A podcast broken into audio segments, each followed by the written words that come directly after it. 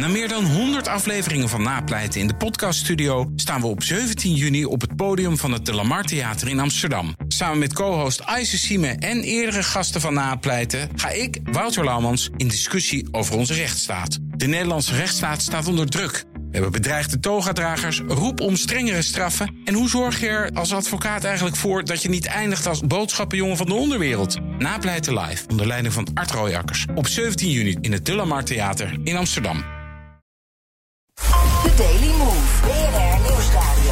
Kees en Liesbeth Staats.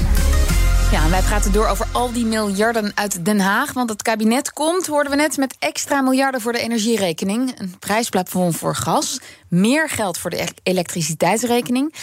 Maar hoe zit het met de compensatie van energie-intensieve MKB'ers, zoals de bakker en de slager?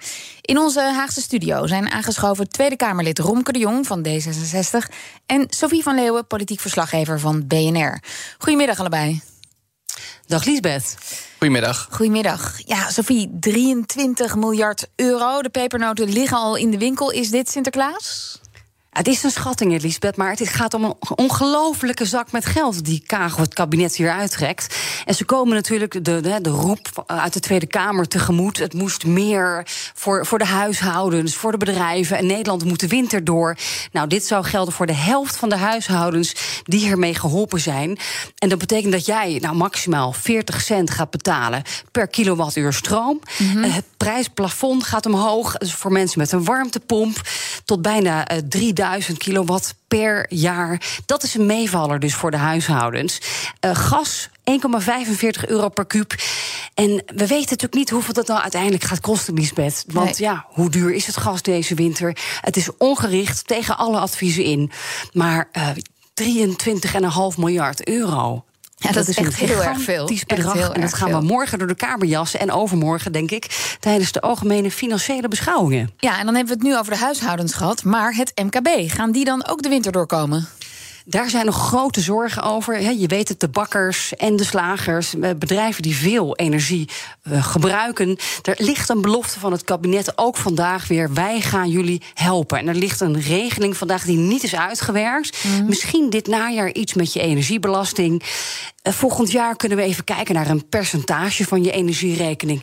Maar de details ontbreken nog. Dus we hebben wel weer een afkorting erbij. Een leuk uit de coronatijd. De nieuwe afkorting heet de TEC, de tegemoetkoming energiekosten. Oké, die gaan we onthouden. Die is niet heel moeilijk. Ehm, Nee, de ja, tech. Romke de Jong, was dit waar u op hoopte voor de huishoudens? Nou, het is in ieder geval mooi dat vandaag ook duidelijkheid komt voor de heel veel kleine MKB-bedrijven en zelfstandigen die ook onder dit plafond vallen, de zogenoemde kleinverbruikers. En ook dat zijn bedrijven met een relatief beperkte omzet die toch ook heel veel last kunnen hebben van die hoge energieprijzen. En het is goed dat er duidelijkheid komt. Ja. Maar waar echt duidelijkheid ook voor nodig is, zijn vooral die MKB-intensieve bedrijven. En die krijgen we vandaag niet. En dat is wel echt nodig en ik maak me daar zorgen over. Ja, want daar, daar weet u ook nog niets meer over. Nee, ik lees net als u dat eh, er een brief is van de minister waarin ze aangeeft dat ze met die regeling bezig is. En als Kamerlid heb ik begrip voor dat een regeling uitwerken niet in een dag lukt.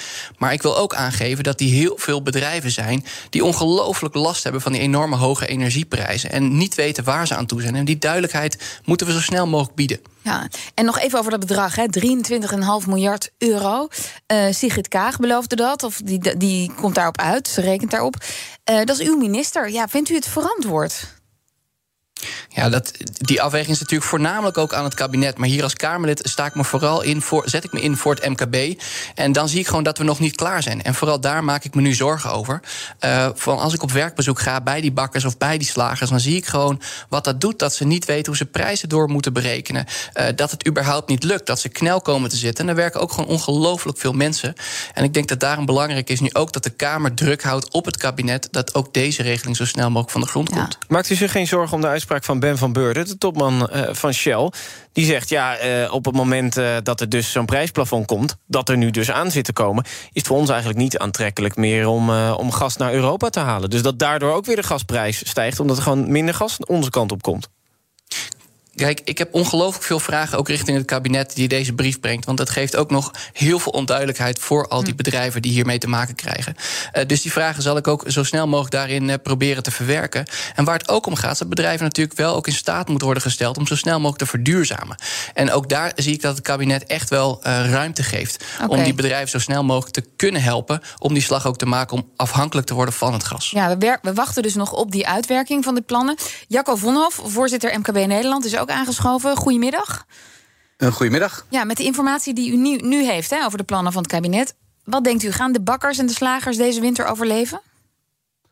Nou, ik ben, ik ben net zo uh, onzeker als uh, Romke, de Jong, Romke de Jong is. Ehm, kijk, het is mooi dat de toezeggingen die ehm, rond Prinsjesdag zijn gedaan... nu uiteindelijk in een, in een brief naar de Kamer zijn gestuurd. Mm -hmm. Um, dus de toezegging is in ieder geval hard. Uh, ook, ook de toezegging op de, uh, de, de, kleinverbruikers. Daar zijn we wel heel blij mee. Want daar vallen heel veel MKB-bedrijven onder. Maar voor alles wat energie-intensief is, en dat is echt meer dan alleen de bakker en de slager, hè, waarvoor we natuurlijk, hè, die zien we allemaal en het is heel duidelijk wat daar speelt. Maar we hebben ook heel veel producerende bedrijven in Nederland. Bedrijven die, uh, die uh, uh, op een internationale markt ehm, opereren. Die... Maar zijn dat ook de MKB'ers of zijn dat grootverbruikers? Ja, dat is, nee. Nou, eh, de, de, vergissing is vrij gauw dat we dan al aan hele grote concerns denken. Maar ook heel veel maakbedrijven en producerende bedrijven in Nederland zijn MKB-bedrijven. En die doen vaak zaken internationaal. Hè. Dus je hoorde net bijvoorbeeld het, uh, het pakket uit Duitsland. Ja, dat verandert voor veel van die bedrijven natuurlijk ook het speelveld. Hè. Als je concurrent wel een, ja. uh, een, een, concrete toezegging heeft en jij niet. Maar goed, het punt is uh, dat, dat met deze brief we in ieder geval wat meer duidelijkheid hebben. Maar je zult maar ondernemer zijn en er wordt tegen je gezegd... er komt compensatie of een toezegging dat je zelfs een, een periode krijgt...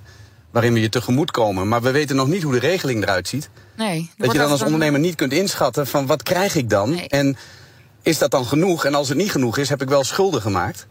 Ja, want er wordt gesproken misschien... over een percentage hè, van de energierekening die terugbetaald wordt. Maar dat percentage zelf is niet bekend. Heeft u, heeft u een soort nee. ondergrens in gedachten?